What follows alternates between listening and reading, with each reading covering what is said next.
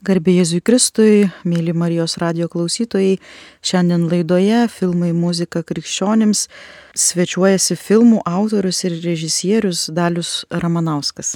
Sveiki. Labą vakarą. Vasaro pradžioje minėjome pašvestojo gyvenimo dieną. Tai ir noriu su jumis pakalbėti apie jūsų filmą Žvilgsnis į pašvestą į gyvenimą. A, turbūt ne vienas iš klausytojų yra matęs šį filmą, jeigu ne, tai galima įrasti YouTube kanale.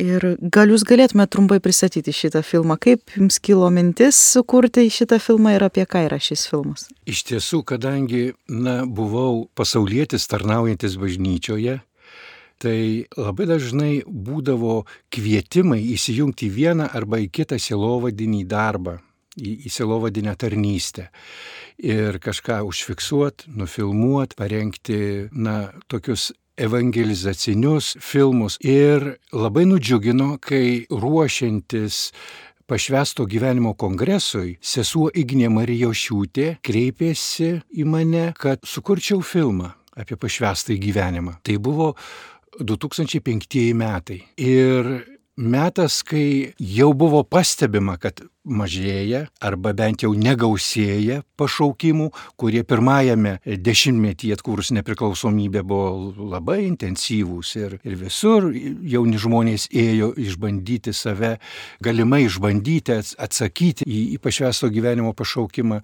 Va, ir tuo metu jau matėsi, kad na, tarsi sustojo ta banga ir na, kongresas buvo skirtas įvertinti naujai pašvesto gyvenimo žmonių tapatybę, na, jų kryptį, jų gyvenimą. Ir buvo ruošiamas, labai rimtai buvo ruošiamasi kongresui kaip sakiau, sesuo Ignė Marijošiūtė tikrai didelės pastangas ir filmas turėjo būti rodomas kongrese Vytauto didžiojo universiteto salėje. Tas kongresas vyko dvi dienas, jis prasidėjo Vyskupijos salėje ir vėliau tęsiasi Vytauto didžiojo universiteto didžiojo salėje. Tai va, tai žodžiu, mano užduodavinys buvo toks, kad pirmiausia aš tarnauju žmonėm pašvesto gyvenimo apžvelgti ištakas, iš kur ir kaip gimė pašvestasis ilgas gyvenimas, bet nebejotinai mano tikslas buvo ir, na, jauni žmonės, žmonės, kurie dar nepažįsta, kas yra pašvestasis gyvenimas. Man pačiam tai buvo slėpinys ir paslaptis, kurį jau buvau atradęs galbūt kokią 15 metų atgal, nes mano tikėjimo kelias prasidėjo nuo susitikimų su pašvesto gyvenimo žmonėmis. Tai buvo tėvas Stanislovas, paskui tai buvo pranciškonai atsikūrę Kretingoje, kurių bendrystė ir tarnavimas jauniems žmonėms tiesiogiai perdavė tą Kristaus artumą, tėvo artumą, tėvo meilę. Ir mes buvom pasauliečiai labai dėkingi visiems broliams ir sesėm, sesėm Salezietėm, tuos, kuriuos pažinojom iš tiesų, mes džiaugiamės tą draugystę pasaulyje, pasauliečiai, kurie arba įsijungė jau vienaip ar kitaip į tą pasauliečių paštalavimą. Ir žodžiu, buvo labai iš tiesų džiaugsmingas kvietimas įsijungti ir, ir apibendrinti, kas yra, kokios ištakos, nuo ko jos prasidėjo. O mes žinom, kad ištakos tai yra pirmieji amžiai ir dykuma. Tai yra dykuma ne tik Izraelyje, bet ir Egipte, kur žmonės išgirdę Dievo žodį, jie būdavo taip giliai paliečiami, kad palikdavo visą, ką jie turėjo, išparduodavo viską, ką jie turėdavo, uždalindavo vargšams, taip kaip Jėzus ir pasakė, ir jie išeidavo į dykumą ieškoti to lobio ir jie rasdavo tą dangaus karalystės lobį. Ir jie buvo tie liudytojai, kurie žmonėm pasaulyje tapo, na, švyturiais, pas kuriuos žmonės iš miestų traukdavo karavanais spręsti savo gyvenimo problemų. Tikiuosi, kad ir šiais laikais, ir šiais metais, ir šiomis dienomis tai gali įvykti, nes kai žmonės pajunta, kad gyvenimas yra labai trapus ir gyvenimas yra labai baigtinis, ir kai žmogus suvokia, kas yra kas, ir kas yra tiesa, ir kas, kas nėra tiesa, ir kad viskas labai greitai praeina, kai visi tie praeinantieji dalykai, na, žmogų pradeda smaukti, tai jis ieško, o tai kur yra laisvė, kur yra tiesa, kur yra gyvenimas. Ir vat, reiškia, tai tie pirmieji dykumos tėvai, jie suteikdavo atsakymą žmogui ir netgi padėdavo Jėzaus vardu gydyti iš demonų, iš lygų, iš, iš visokių problemų. Šiais laikais žmonės irgi kamuoja priklausomybių banga, įvairių priklausomybių. Ir žodžiu, būdami laisvi mes kai kada net ir nežinom, ką reiškia būti iš tiesų laisvu. Tai va, tai žodžiu, tie klausimai pirmiausiai yra atsakomi, kai tu ieškai tiesos ir tada ta tiesa daliniesi su kitais. Tai žodžiu, tada filmo vystymo tikmėje mes matome, kad atsiranda įvairios bendruomenės. Iš dykumos tėvų sekanti bendruomenė, sekantis laikmetis, kuris perėmė pašvestą gyvenimą, tai labai ryškus pavyzdys yra Šventasis Benediktas ir Benediktinai. Tai filmas skiria nemažo dėmesio Benediktinam ir, ir Šventajam Benediktui. Jis savo asmeniu ir Dievo dovanota charizma įsteigė tiek bendruomenių, kad dar jam gyvam esant jos pasklinda po visą Europą. Ir jie ne tik užsidarė vienuolynę, medituoja, kontempliuoja Dievo žodį, bet jie aria žemę ir ne tik patys aria žemę, jie išmokina kitus ant žemės gyvenančius žmonės kultivuoti žemę, auginti sodus ir sukurti rojų žemėje, sukurti, priversti žemę duoti vaisius tenai, kur buvo pelkės. Ir labai dažnai, pavyzdžiui, benediktinai cistersai savo e, vienuolynus kūrė pelkėse. Ten, kur buvo pelkės, ten pasidaro sodai. Visai neseniai mačiau vokietės režisierės sukurtą filmą apie cistersus Prancūzijoje, įvairiose Prancūzijos vietose. Tai yra būtent, va, tai ir liudija, kad jie pažaboja vandenį, jie nukreipia nukreipia vandenį laistyti sodams. Ta prasme, visa tai yra, na, tų žmonių, kuriem turėtų rūpėti tik Dievo žodis, bet jie rūpinasi viskuo, jie rūpinasi ir tais, kurie pas juos ateina patarimo, jie perdoda gyvenimo žinę ir jie rūpinasi tais, kurie turi kultivuoti žemę ir auginti sodus ir auginti derlių ir kuo gausesnį derlių. Ir žodžiu, vienuolynų įtaka yra tikrai didžiulė, įvertinant tai, kad vėliau jie buvo pirmieji, kurie net lygintinai tarnavo slaugoje slaugoje, medicinoje gydė ir padėjo žmonėm sveikti ir fiziškai, ir dvasiškai. Žodžiu, neįmanoma pervertinti vienuolyjų įtakos į tai, kuo šiandien yra Europa. Kaip jūs priėmė vienuolynų bendruomenę su filmavimo kamera, ar lengvai priėmė, įsileido, kokie, kaip jums mm. sekėsi? Žinot, filmas buvo sukurtas 2005 metais ir tai jau yra nemaža istorija, bet aš pasakyčiau, kad nuo 2015 metų man teko vėl grįžti prie šitos temos ir gilintis į benediktinų gyvenimą ir sukurti 14 filmų apie tai. Paskui 17 metais tai buvo ciklas apie pranciškonus ir ten buvo 21 filmas. Tai tos patirties yra labai įvairios. Po pranciškonų sekė visi kiti vienuolynai. Ten tada jau vadinosi vienuolynų kelias Lietuvoje. Tai žodžiu, per penkis metus man teko sukurti 70 šito ciklo filmų.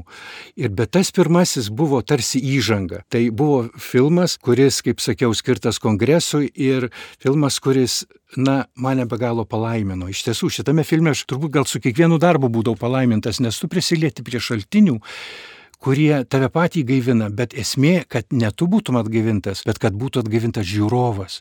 Tu turi būti tiesiog kaip tas lietvamsdis, per kurį išlyja iš dangaus lietus ir jisai teka drėkinimo kanalais ir laisto kažką tai. Ir tu net nežinai ir tai nebėra jau tavo žinioje.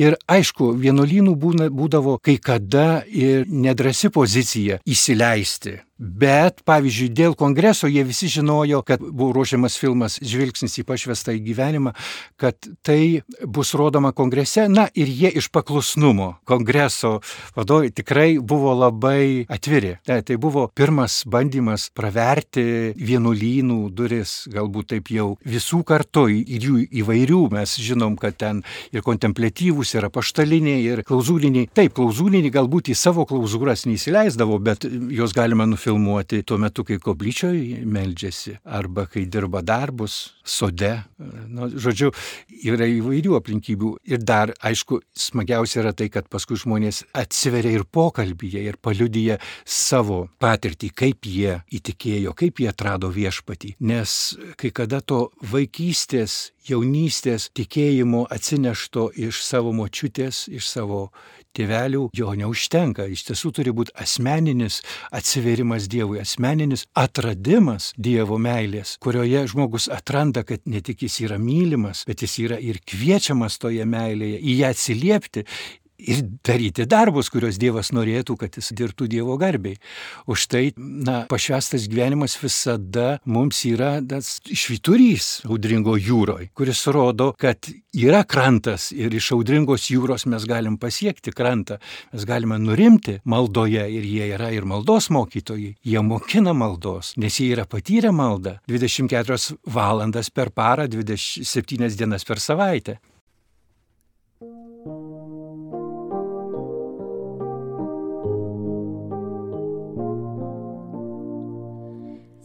Skaiščioji mergelė garso šiluvos, nušvietų žmoniją visos Lietuvos, mus ginki globok, maldaujam visi, tu motina Jėzaus ir mūsų esi. Baisus klaidų tvana štai siaučia aplink. Marija mergelė, tu mūsų atsimink. Tu meilės malonę nuženk iš dangaus. Atnaujink į širdį kiekvieno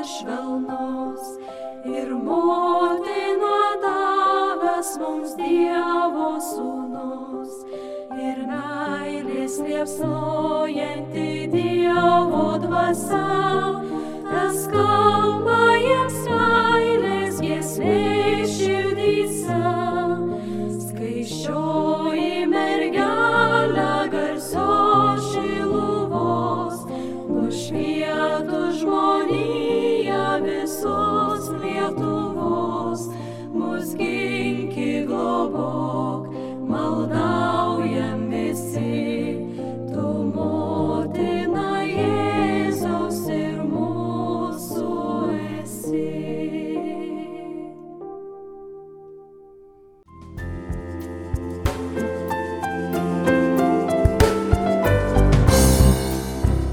Šiluvą maldininkai net ir iš tolimų vietų, pavyzdžiui, iš Prūsijos žemės, pradėjo lankyti labai seniai.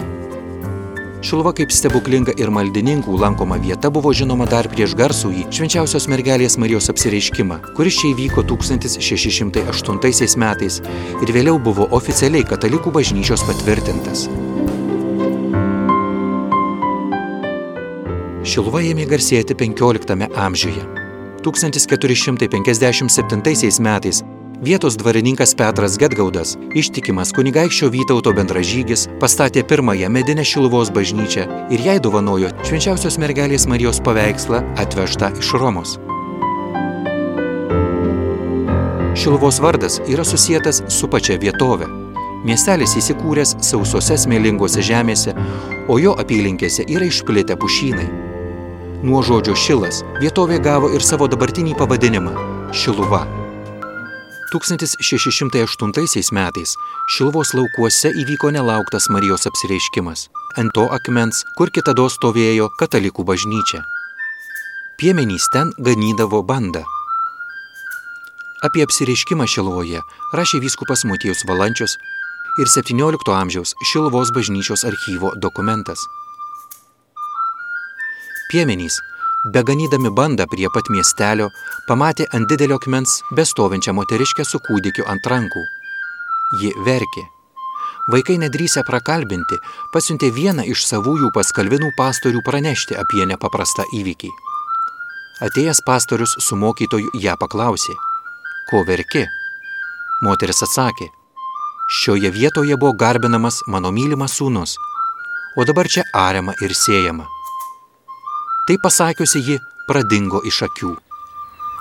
Pasakojama, kad tuo metu vienas senas ūkininkas, nuo senatvės apakęs paliudijo, jog apsireiškimo vietoje kadaise stovėjo senovinė katalikų bažnyčia ir dar atminė, kur buvo užkastas bažnyčios lobis.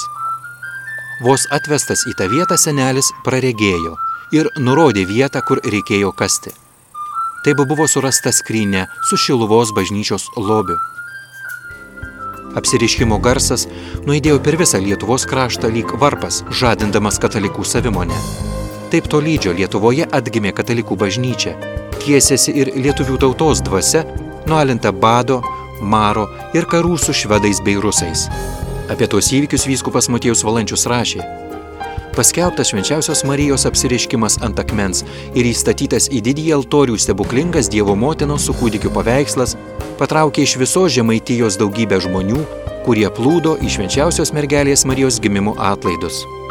1674 metais karaliaučiaus auksakalys Laurinas Hoffmanas padarė paveikslui auksuoto sidabro aptaisą, dengiantį Marijos ir kūdikio figūras.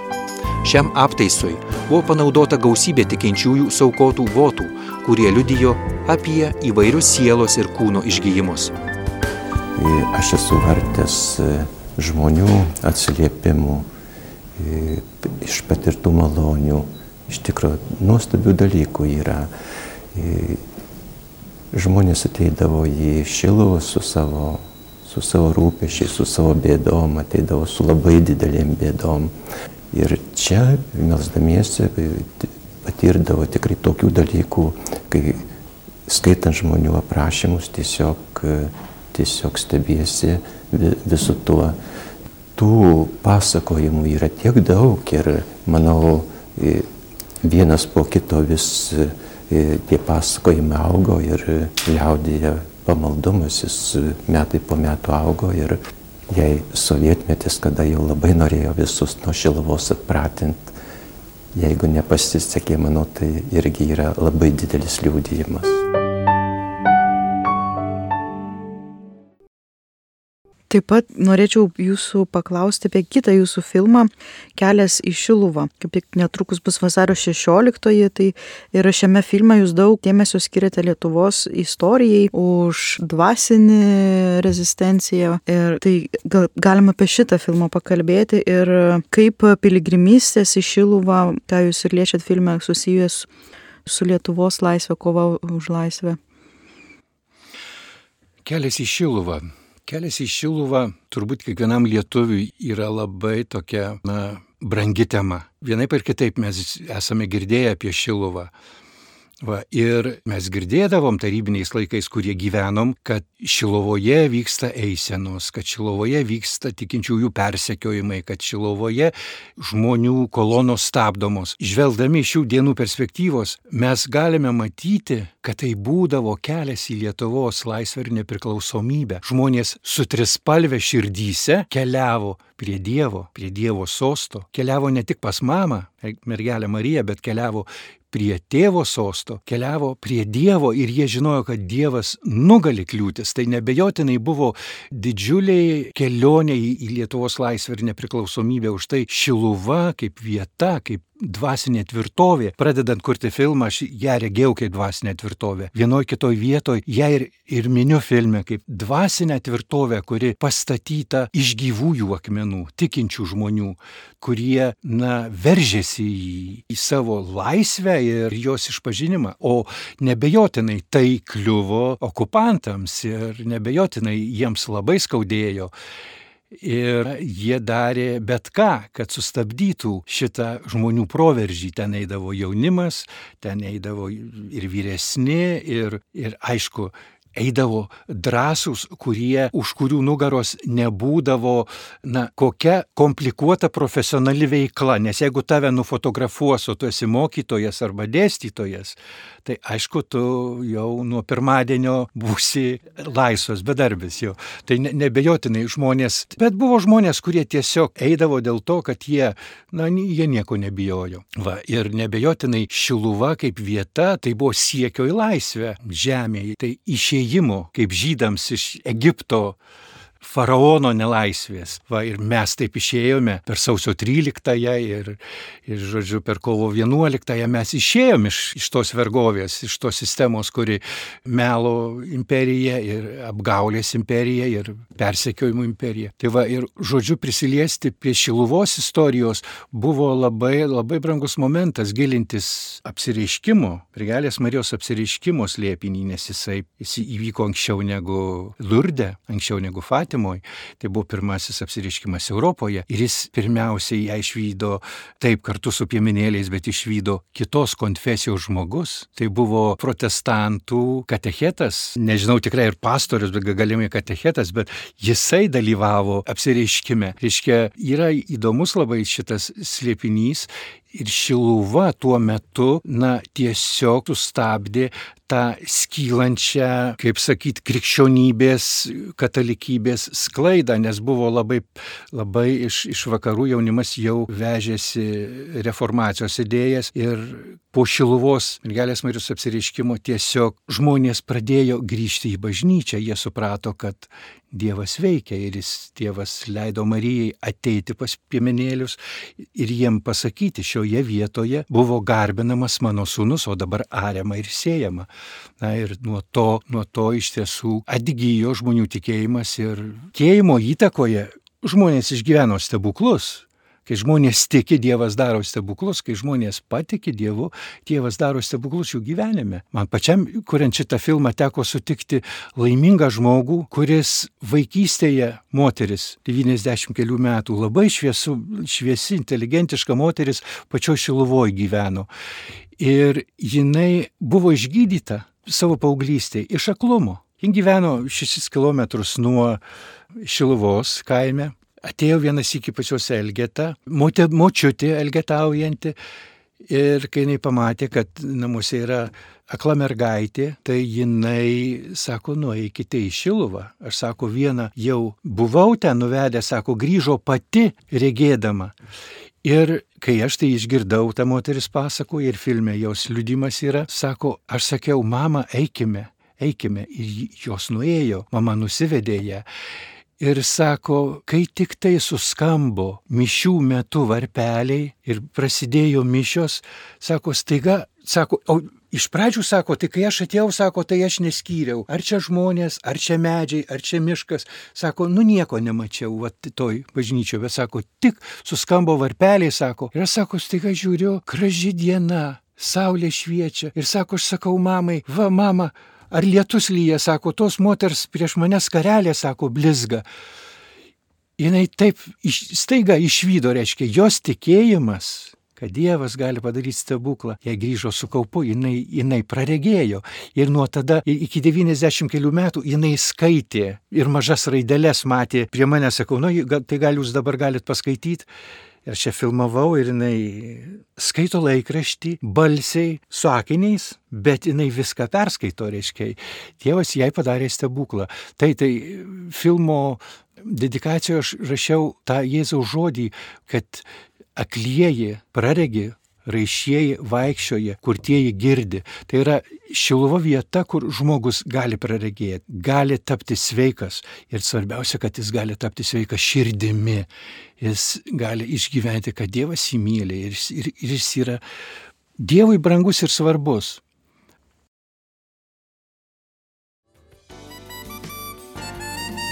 Jūs girdite Marijos radiją.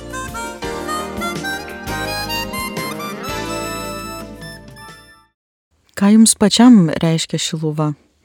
Iš tiesų man šiluva, drąsiai galiu sakyti, buvo tikėjimo kelio, na, ypatingas tramplinas, tai jis mane tiesiog, aš atėjau į Šiluvą jau tikėdamas, susirošiau ją, kaip dabar atsimenu, tai buvo 1987 metai, tai buvo dar 15 metų iki to laiko, kai kursiu filmą, aš buvau tada dramos teatro aktorius, bet jau, jau skaičiau Evangeliją, jau buvau įtikėjęs.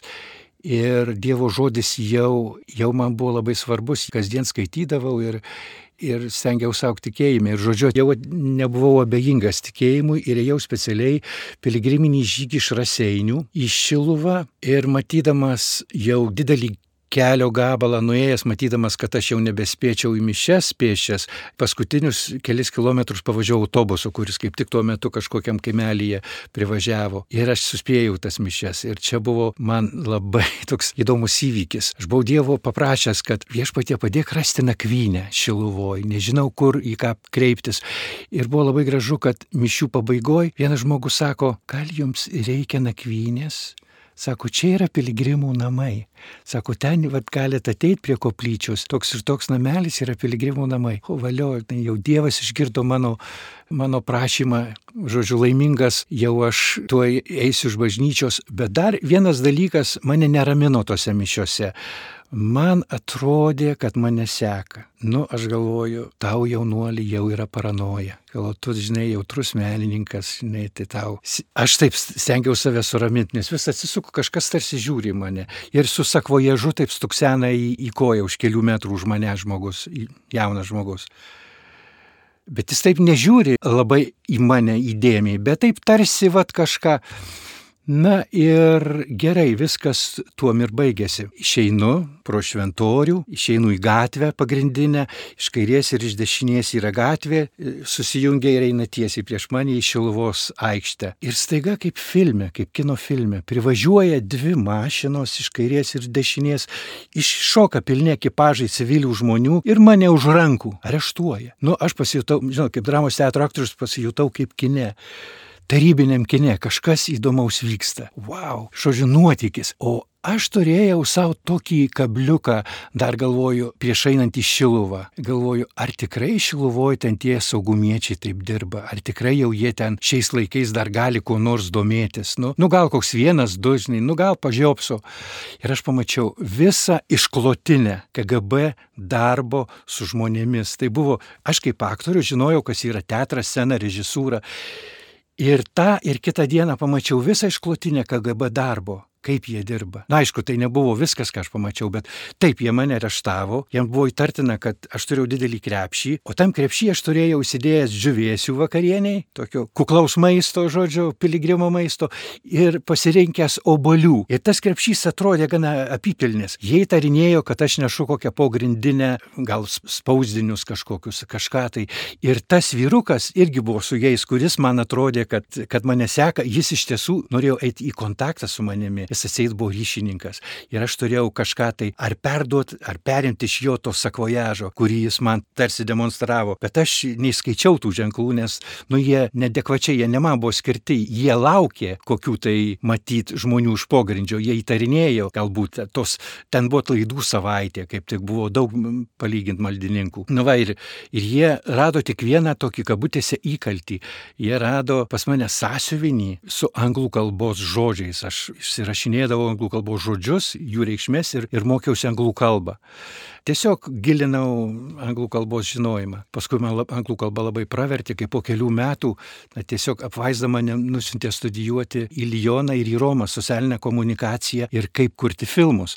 Bet tuo metu aš buvau viso labo piligrimas, kuris zubrinau anglų kalbą. Ir jie sako, žinom, kodėl tu anglų kalbą mokais. Na, tu, čia mūsų priešas. Žinai.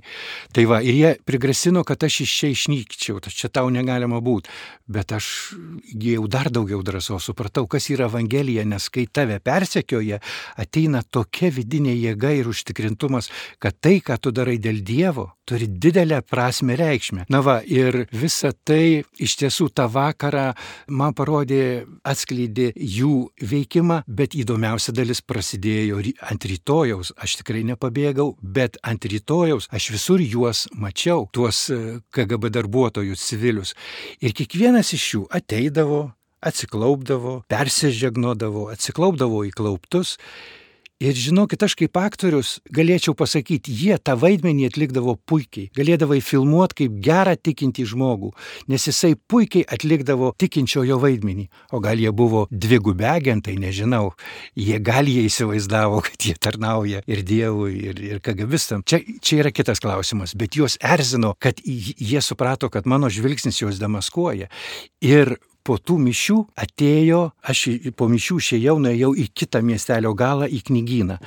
Ir per aikštę žiūriu, ateina vienas augalotas, jau supratau, kad saugumietis ir supratau, kad ateina pas mane knyginė, vartau knygelės ir jis ateina, sako, mes tau sakėme iš išnykti, einam. Ir tada jau mane nuvedė pas, e, į tą pačias patalpas, bet pas karininkus su, su antpečiais ir su žvaigždutėm. Reiškia, jau, jau atstovai rimtos įstaigos.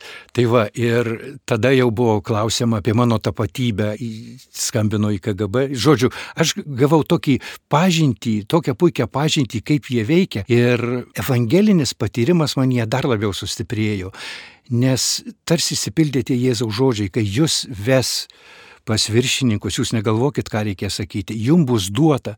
Ir aš pamačiau, kiek daug viešpats duoda išminties ir, ir jėgos nebebijoti jų. Ir supratau, kas buvo tie rezistentai, kurie kovodavo už laisvę. Nes tai yra Dievo pašaukimas - būti kovotoju Dievo pusėje ir vykdyti Dievo valią, būti tiesiog jo instrumentu. O kodėl sovietinė valdžia taip bijojo tų piligriminių kelionių, tų maldininkų? Šiandien tai turbūt sakymas nesudėtingas. Jie matė, kad tai gali išjudinti pasipriešinimą jų okupacijai, pasipriešinimą tuometiniai santvarkai ir bažnyčia buvo ta tvirtovė nebejotinai, kurioje žmonės bekompromisiškai kovojo tą kovą ir atiduodavo gyvybę, kaip kunigas Debskis, taip kaip kovojo kunigas Sigitas Tamkevičius, leisdamas kroniką, kaip didelis būrys seserų platino kroniką ir jos įvykius. Va, ir na, mums įsijungus į tą katalikiškos televizijos darbą, tai irgi buvo įkvėpimas jų kova, nes mes irgi turėjom kurti šių dienų kroniką, šių dienų metraštį, vat visi tie filmai, tai mums buvo tarsi tos kronikos pratesimas. Ir mūsų, na, savotiškai dvasios tėvas buvo tuo met vyskupas, paskui arkivyskupas Sigitas Tamkevičius. Va, ir žodžiu, ta, ta kova buvo tarsi nedidelio būrelio vykdoma, bet jie turėjo didelės kariaunas ir pagalbininkus danguje.